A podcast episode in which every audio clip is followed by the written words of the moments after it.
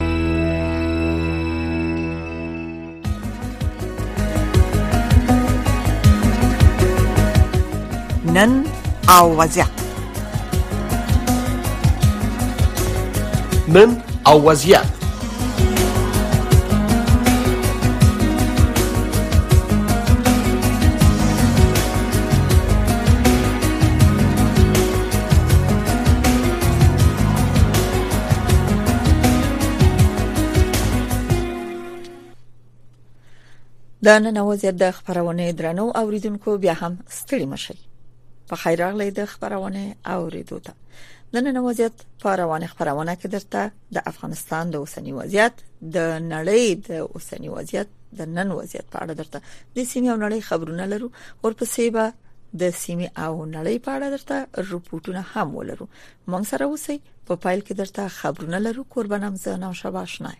پاموکي خبرونه ته السلام علیکم ترنو اوریدونکو تاسو د امریکا غږ آشنا رادیو نه د دې سات خبرونه اورئ زه سید سلیمان آشنا یم د خوړو د نړیوال پروګرام یا ډبلیو اف پی د اټکل د مخې په افغانستان کې د 15 میلیونو څخه زیات افغانان د خوړو د سخت نه خوندیتوب سره مخ دي چې دوه اعشاریه اته میلیونه یې د لوږې په بېړنۍ کچه کې دي. د خوړو نړیوال پروګرام د سې شنبې په ورځ ناوخته په یوه خبرپاڼه کې چې ډبلیو ایف پي په افغانستان کې د مرستو رسولو د جاري ساتلو په هدف د راتلونکو شپږو میاشتو لپاره نهه سوه اتلس میلیونه امریکایي ډالرو ته بېړنۍ اړتیا لري چې افغانستان ته د دغې ادارې د مرستیال اجراییوي رئیس کارل سکاو د سفر په پای کې خبره کړې ده. پاکستان کې د طالبانو د حکومت سفیر سردار احمد شکیب د مهاجرینو د نړیوالې ورځې په مناسبت په یو پیغام کې ویلي چې په دې وروستیو کې په پاکستان کې افغانان له یو لړ جدي ستونزو سره مخ شوي دي او پولیس یې په مختلفو بهانو نیسي او ځوروي یې. اسلام آباد کې د افغانستان سفارت چې د طالبانو لخوا اداره کیږي د چهارشنبې په ورځ یعنې د جوزا په یو دیرشمه د خپل ټویټر په پاڼه د سردار احمد شکیب یوه ویډیویي وینا خپره کړې ده چې پکې هغه ویلي د طالبانو حکومت د مهاجرینو مسلې ته د یوې سترې ملي ستونزې په سترګه ګوري د طالبانو سفیر په دې پیغام کې داسې ویلي غواړم د پاکستان حکومت او خلکو څخه هم مننه وکړم چې په تیرو څلوېښتو کلونو کې په ورین تندي د افغان مهاجرینو ملمه پالنه وکړله مګر له بده مرغه باید یادونه وکړم چې په دې وروستیو کې په پاکستان کې افغانان له یو لړ جدي ستونزو سره مخ شوي او پولیس په مختلفو بهانې نیسي او ځوروي د بخښنې نړیوال سازمان ویلي چې د افغان کډوالو د نوملیکنې په بهیر کې د پام وړ ځنډ له امله اکثره افغانان په پاکستان کې د کډوالو د پیژندګلوۍ کارتونه نه لري او هغو افغانانو چې دغه هیواد ته یعنې پاکستان کې په عادي ویزو سفر کړی دی اوس یې د اوسېدو موده پوره شوې ده د پاکستان حکومت تر اوسه د بخښنې نړیوال سازمان اعلامیې ته غبرګون نه دی ښودلی ملګرو ملتونو د افغانستان لپاره د بشري مرستو غوښتنه څه باندې یو میلیارد ډالر کمه کړې ده. د ملګرو ملتونو دا اقدام خیریه مؤسسې مجبوري چې میلیونونو افغانانو ته چې بشري مرستو ته سخت اړتیا لري دا ډول مرستې ورکول بند کړي. نور تفصیل د نوشاوې اشنا په غږ کې اورئ. ملګرو ملتونو د روان 2023 میلادي کال د مارچ په میاشت کې د افغانستان لپاره د بشري مرستو ځواب ویلو پلان ایچ آر پی پایل کړ او د بسپنه ورکوونکو هیوادونو او ادارو نه د 3.8 میلیارډ ډالر غوښتنه وکړه خو دا غوښتنه دوه میاشتې د دې لپاره وځنډول شو چې طالبانو تیر کال د دسمبر په میاشت کې د ملګرو ملتونو په ادارو کې د افغان مرمنو کار کول بند کړل ملګرو ملتونو د افغانستان سره د بشري مرستو د پلان ارزونې چې نږدې یو کال ونیو تیرونه اعلان وکړ چې 2.8 میلیارډ ډالر تازه مرستو ته اړتیا لري نو شاباشنا امریکا غاک واشنگټن ټاکل شوې چې د ملګرو ملتونو امنیت شورا نن د افغانستان په اړه د بندو دروازو تر شا د سلا مشورو وروسته په پرانستې غونډه کې بحث وکړي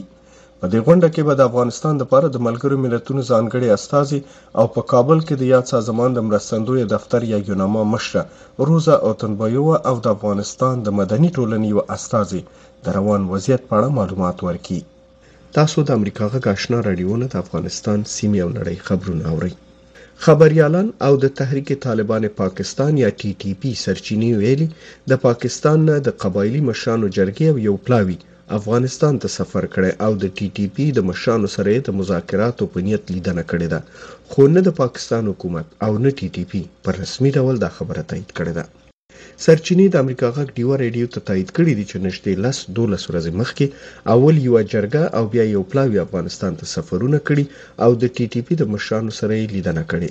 په افغانستان کې واکمنو طالبانو هم د پاکستانۍ جرګې د افغانستان د سفر او ټي ټي پي سره د خبرو څه نه دي ویلي، خو د طالبانو ویاند ذبیح الله مجاهد طلوع نیوز ته په تازه خبرو کې ویلي، حکومت یې تیار دی چې د پاکستان د حکومت او ټي ټي پي ترمنځ منځګړیتوب وکړي. د هند صدراعظم نریندرا مودي په رسمي سفر امریکا ته راغلی او ټاکل شوې چې د پنجشنبې په ورځ یعنې سبا د جوزا په دوه ویشت مه په سپینې ماڼۍ کې د جمهوررئیس جو بایډن سره وګوري. سپینه ماڼۍ پلان لري ښاغلي مودي ته د دولتي ماښامنۍ په وخت هغه سره غالۍ وغوړوي چې تر ټولو د لوړې کچې او پرتمینو ملاقاتونو لپاره په دې ماڼۍ کې غوړول کیږي. جمهور رئیس بایډن د مودي څخه وړاندې دا غالۍ یوازې دوه ځلي په سپینې ماڼۍ کې غوړولې وه. سپینې ماڼۍ دا ډول تشریفات یو ځل د فرانسې جمهور رئیس ایمانویل ماکرون او بل ځل د جنوبي کوریا جمهور رئیس یون سوک یول ته د رسمي ملاقاتونو په وخت ترتیب کړی و چې دواړه یې د متحده ایالاتو د تړون متحدین دي. د امریکا پوځ د چهارشنبې په ورځ وویل چې د امریکا بم غورځوونکي جټ الوتکې د اول ځل لپاره د اروپا په اوسني عصر کې د ناټو په بلنه د روزنیزو تمرینونو په هدف سویډن ته ورسېدې. سویډن چې تیر کال یې د ناټو د غړیتوب د ترلاسه کولو لپاره دوه پیړۍ پوځي ناپییلتوب پریښود، د دې میاشتې په پیل کې یې اعلان وکړو مخکې له دې چې د دې اتحاد غړی شي، په خپله خاوره کې د ناټو د پوځیانو او مهماتو کوربه توب ته چمتو دی. د سویډن پوځ ویل، دوه امریکايي بي یو بي لانسرز بم غورځوونکې الوتکې د دوشنبې په ورځ چې د جون نولس مه وه، د سویډن په شمال لولیا کالاکاس هوایي ډګر کې ښکته شوې. او په هندوراس کې پولیس وایي د دې هیواد پایتخت تګو سیګاپالا څخه 15 کیلومتر لري شمال لور ته د میرمنو په یو زندان کې د جنایي ډلو ترمنځ په شخړو کې لږ تر لږه یو څلوېښت تنه وژل شوي دي د پولیسو یو ویاند ادګاردو برهونه د سې شنبې په ورځ وویل په پیښه کې ټول وژل شوي کسان میرمنې دي خو دا یې ونه ویل چې آیا هغوی بندیانې وي کنه یوې مدافعې وکیلې چې په همدې زندان کې د بندي ښځو د کورنیو استازیتوب کوي، د فرانسې خبري اژانس ته ویلي چې یوه جنایي ډله د خپلې سیالې ډلې د زندان برخې ته ورغلې او اور یې ورته اچولی دی. سیمه ییزو مطبوعاتو ویلي چې په اور کې د زندان دا برخه په بشپړه توګه له منځه تللې ده. په دې زندان کې تقریباً نهه سوه کسان بندیان وو. دا و د دې ساعت خبرونه.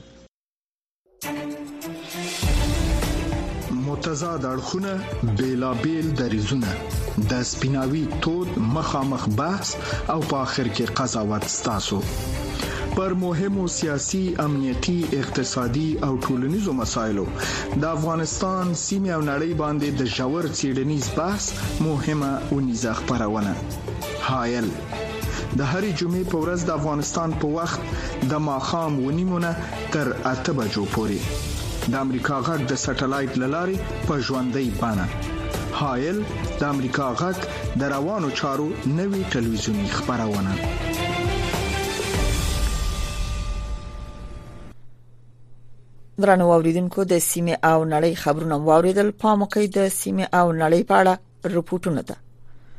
قدر منا اوریدونکو البته په روانه خبرونه کې درته د سیمه نړۍ په اړه مختلف رپورټونه لرو چې پایل به د افغانستان نه زموږ د همکار پر لګلي رپورټ د افغانستان بانک چارواکي وایي د امریکا د متحده ایالاتو د حکومت لخوا په افغانستان کې په بانکونو باندې د محدودیتونو د لری کولو لپاره لا هم هڅه کوي د دغه بانک ویاند وی د دغه هڅو په ترڅ کې د امریکا د مالی وزارت لخوا د بانکونو لاره پیسو د انتقال په برخه کې ځنې سہولتونه رامنځته شوي خو افغان سوداګر وی اوس هم دوی د الکترونیکی پیسو د انتقال په برخه کې ستونزې لري او پیسې په وخت نشي انتقالولای په دې اړه نور تفصيل زموږ د همکار اکرام شینواری پر رپورت کې اوري د افغانستان بانک ویاند حسیب الله نوري وایي چې لا هم دا بانک د امریکا د متحده ایالاتو د حکومت لخوا په افغانستان کې په بانکونو د لګیدلو محدودیتونو د لری کولو هڅه کوي خغلی نوري ملي تلویزیون ته چې د طالبان د حکومت لخوا اداره کیږي ویلي چې د امریکا د حکومت د مالی وزارت څخه له 14 څخه تر 20 نمبر پورې عمومي جوازونه ترلاسه کړي او اوس مهال په افغانستان کې سوداګریز بانکونه کولای شي چې دغه هوا څخه بهر په ځینو برخو کې سوداګري ولري په دې اړه بحثونه لا هم روان دي، موږ هیله من یو چې یوه تعامل ته به ورسیږو او وبه کولای شو چې د افغانستان اسعاري زیرمې د محدودیت څخه راوباسو یا له کنګل څخه راوباسو او وکولای شو هغه موخې چې ټاکل شوې دي د همدغه شتمنیو لپاره هغې کې ولګول شي. د هغې محدودیتونو د رفع لپاره د افغانستان بانک مشرتابه پلاوي په هلو ځلو موږ وتوانیدو چې د امریکا د متحده ایالتونو د خزانې له وزارت څخه د څوارلس، پنځلس، شپاړس، اوولس، اتلس او نولس همدارنګه شل نمبر عمومي جوازونه ترلاسه کړو. دا جوازونه د دې لامل شول چې زموږ سوداګریز بانکونه وکولای شي له نړیوالو هېوادونو سره په ځینو برخو کې سوداګري ولري. د امریکا د متحده ایالاتو حکومت د دوه زره یوویشتم کال د اګست په پنځلسمه په افغانستان کې واک ته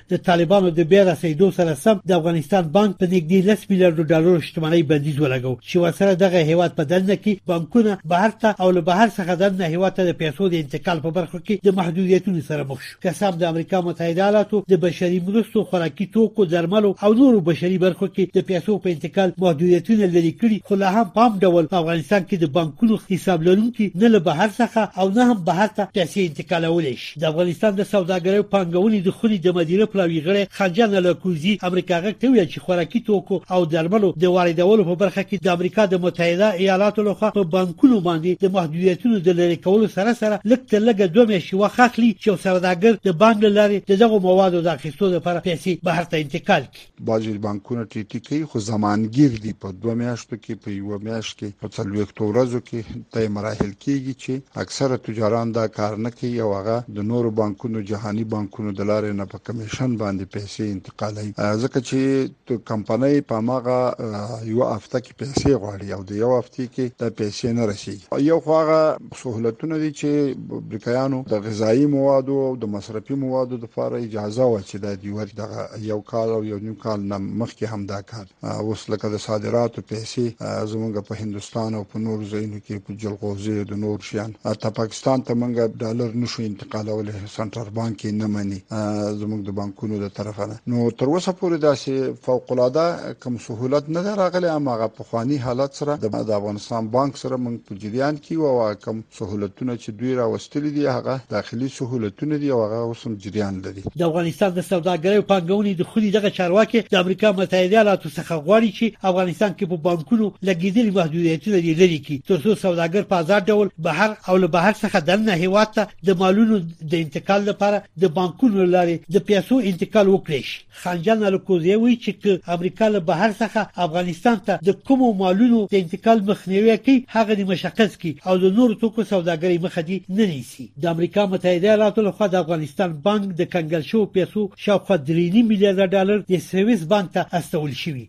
او د مالي د پخواني وزیر انوارالحق احدي، د افغانستان بانک د مدیره پلاوي یو غړی شاه محمد مهرابي او په سویس کې د امریکا د سفیر له خوا د دغو پیسو د مصرف څارنه کیږي، خو د طالبانو حکومت له امریکا څخه دغه بانک ته د پیسو د انتقال سره مخالف دی او وایي چې د بانک شتمني باید د دغه بانک په اختیار کې ورکړل شي.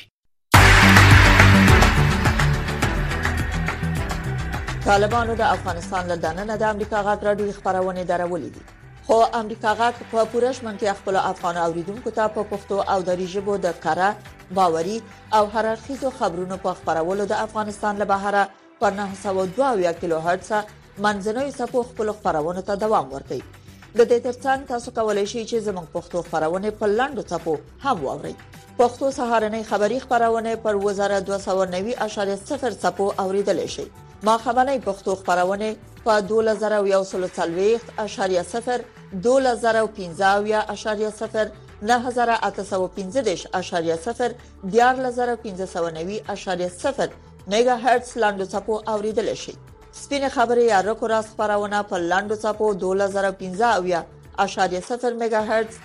د نن او وضعیت یا روایت امروز خبرونه په لاندو څپو 2040.0 9915.0 2015.0 او ستاسو غږ یا صداي شما خبرونه په لاندو څپو 2015.0 نهه زره درې سوه پنځه پنځوس ميګا هرتز اورېدلای شئ. له ملګرتیا مو ډیره مننه کورمودان چې تر دې شی د امریکا غږ آشنا رادیو خبرونه اوري بیا هم رپورټونه ته ادامه ورکوم د هند لمړی وزیر نریندرا مودي په یو رسمي سفر متحده ایالاتو ته راغلی دی نریندرا مودي سبا له ولسمشر جو بایدن سره رسمي غونډه لري واشنگټن ته د نریندرا مودي دا سفر د متحده ایالاتونو او هند ترمنځ په دوه اړخیزو اړیکو کې د بدلون نخښه ګڼل کیږي تفصيلي پر پورت کې اوري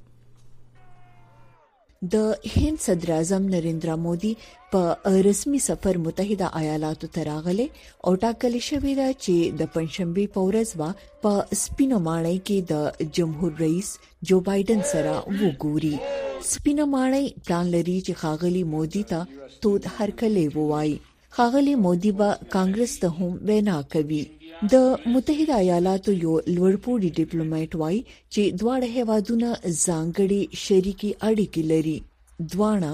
د چین د زیاتیدونکو پوځي هلو په اړه هم ډیر اندېښمن دي او په وروستو کې هند د چین سره د دوی په ګډه پوله کې جګړه هم کړې. زموږ دا اړیکې چې د نړۍ د تر ټولو زړې او لوی دیموکراسیو ترمنځ د ځانګړو اړیکو په توګه ورته ګورو اوس به د ځانګړي مکلفیت سره دا وښیو چې زموږ حکومتونه کولای شي زموږ ټولو اتباعو ته وړتیا ورکړي او ځواکمن یې کړي د خبرو په ايجنډا د هند تر ټولو ځواکمن سيال د چين په اړه جدي بحثونه په اوکراين کې جګړه او د دفاع انرژي او خلا په برخو کې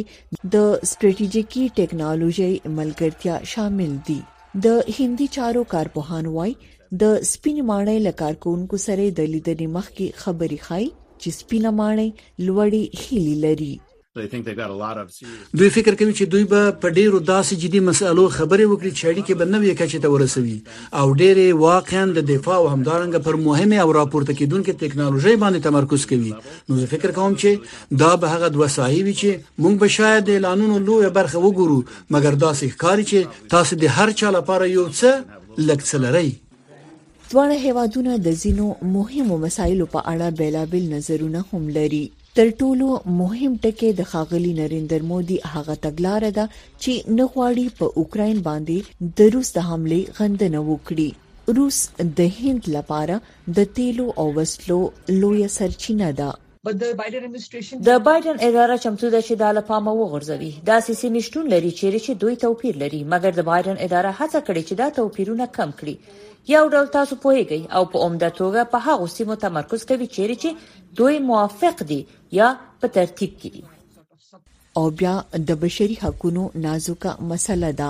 بایډن به د پنځشنبه په ورځ د دولتي ډوډۍ کوربه وي همدغه رنګ د پنځشنبه په ورځ به هغوی د متحده ایالاتو د کانګرس ګډې ناستې ته ویناوي کوي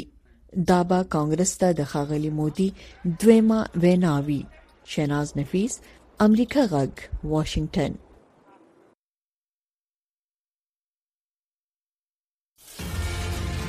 دیش دقیقې د افغانستان او نړۍ په تړاو د اونۍ پر مهمو پیښو رپورټونو او مرکو زغلند نظر هر جمعه د افغانستان په وخت د ماخام د 2 بجو نه تر 9 مو پورې او د واشنگټن په وخت د سهار د 10 نیمو نه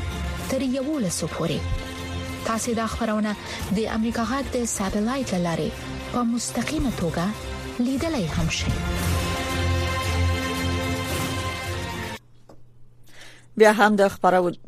د خبرونه اوریدو ته خراغلاست د خوړو نړیوال پروګرام وی په افغانستان کې 15 میلیونه افغانان د خوړو د جدي کمښت سره مخ دي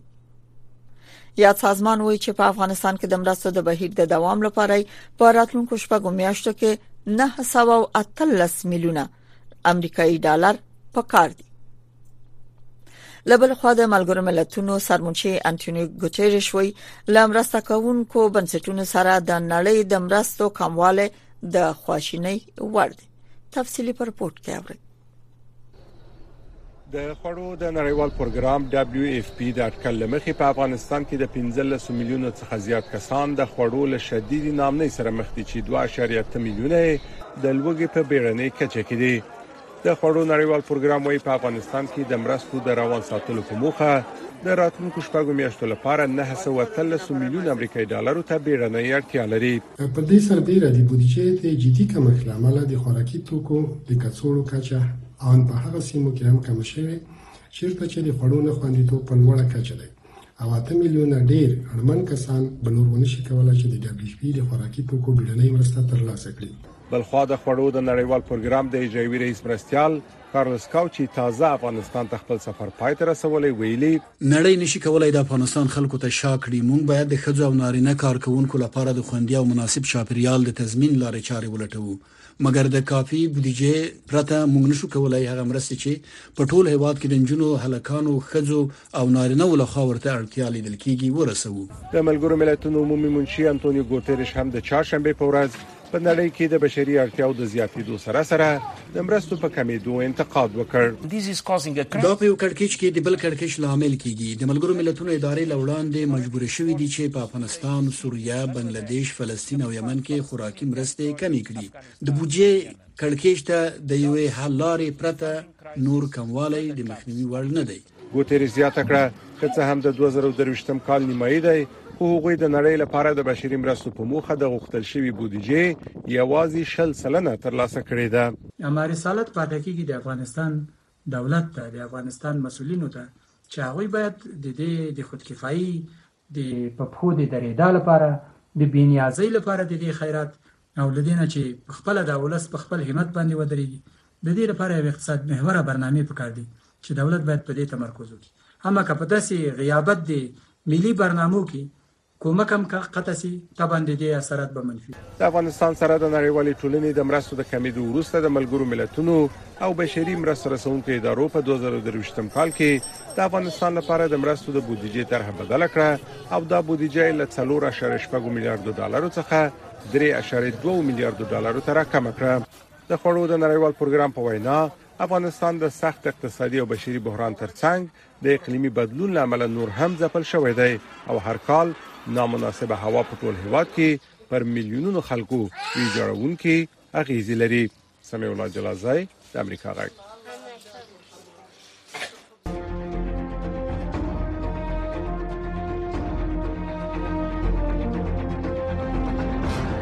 اتصال زموږ او ساسي پیوستون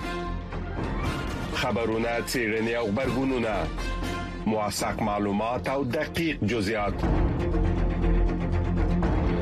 هغه کورنۍ نړیوالې او سیمېزي مسلې چې د عامو خلکو پر ژوند غیز لري ساسي پښتنې د چارواکو ځوابونه او د پوهانو سپارښتنې لې یک شنبه تر پنځ شنبه هر مخام په شپږ بجو او دیر شو دقیقو له واشنگټن څخه پر ژوندې بڼه د سټلایټ ټلویزیون او ټولنیزو شبکو لاري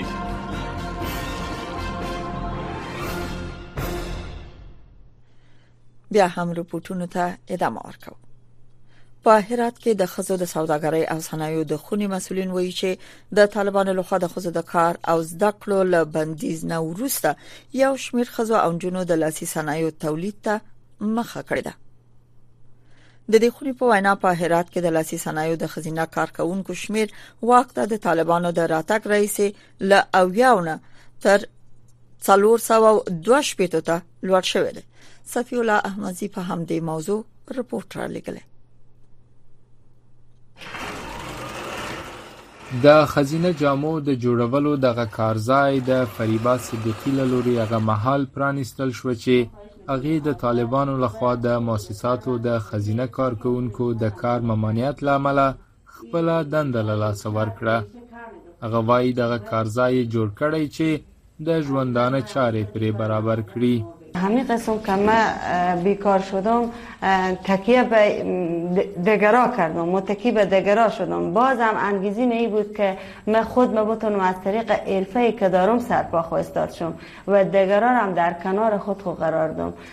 همی شد که ما کارگار باز کردیم در قدم اول ما همی کارگار از 6 لک افغانی به حساب سرمایه گذاری کردیم چون چند شعبه داشت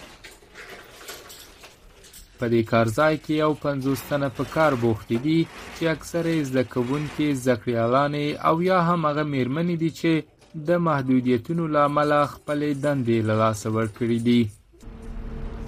په لویدیځه حوزه کې د ښځو د سوداګرۍ او صنایعو خونې مرستیاله وایي چې د طالبانو له واکمنۍ راهیسې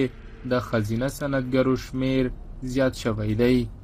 در ابتدای کار وقتی که نظام قبلی سقوط کرد و نظام امارت آمد ما 70 نفر اعضای فعال به اتاق تجارت زنان داشتیم البته به کل اوزای غرب بعد که مکاتب بسته شد و محدودیت ها برای خانم ها و دیگه بخش ها ایجاد شد خانم ها بیشتر رجوع کردن به اتاق تجارت زنان ما حدود 462 نفر از اعضای فعال داشتیم به اتاق تجارت زنان که همه ثبت رجیستر بودن و در سال امسال که 1402 هست ما 307 نفر خانم ها آمدن جواز خود تمدید کردن و کارت عضویت خود تمدید کردن دغه مېرمنې وايي، له مجبوري یې دې کار ته مخه کړې، تر څو پرې بوختې اوسي. دوی زیاتوي، که اوزګارې په کور کې پاتې شي، کېدای شي د ډېرو سوچونو له امله په رواني ناروغیو اخته شي. بلخوا د هرات حوزوي روغتون د رواني مشاورې څانګې مسؤل وايي چې په رواني ستونزو او ژور خپګان اخته ښځینه مراجعینې زیاتې شوې دي. کېدای شي په لنډمهاله او اوږدمهاله کې دوی رواني مریضي ته ډیر مبتلا شي ځکه چې دوی مصرفیات نه لري په کور کې د باندې د دغه مصرفیات نه درلودو په خاطر دوی کولای شي چې د دغه ته مخ راوړي د اعتیاد مواد مخدر ته ځینې دواګانو ته او دا یو ښه پیل نه ده دا یو خطر ده فریبا د دری ادبیاتو او شریعتو کې د لیسانس اسناد لري خو اوس د خپلې زده کړې خلاف خیاطي کوي وايي هیله یې دا ده چې د ښځو د تحصیل او کار پر وړاندې شته محدودیتونه لرې شي او وشي کولای د خپل سواد له لارې ټولنې ته خدمت وکړي صفی الله احمدزی امریکا غږ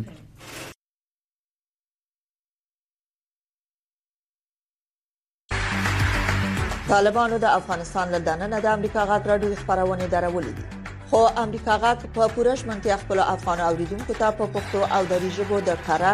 باوري او هررخیزو خبرونو په خبرولو د افغانستان له بهره پر 902 کیلو هرتز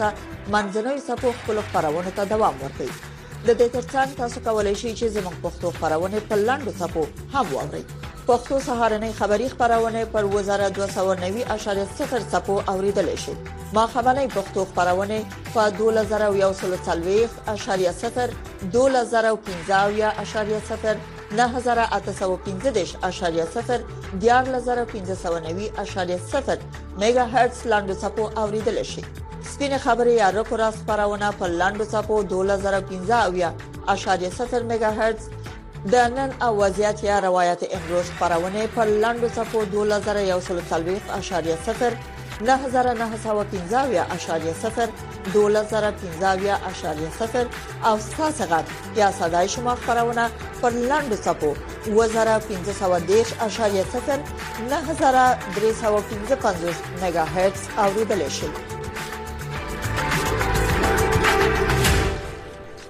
درنو اوریدونکو د خبرونه ورستي شي دي نو تاسو نه به اجازه واخلو د نن اوازيات خبرونه په همدې ځای پای ته ورسیده الله ملشه خو ډیره مننه چې تر دې شویم د امریکا غږ آشنا رادیو خبرونه واوریدي او لا هم خبرونه دوام لري مطمئن یم چې لا به هم اوري نو تاسو په لوی او بخون کې خلاص پرم په لاندې شیبو کې تاسو غږ خبرونه پیلېږي سحر عظیمی او همدارنګه شافیه سردار قرباني دي کورم ودان تر بیا الله ماشي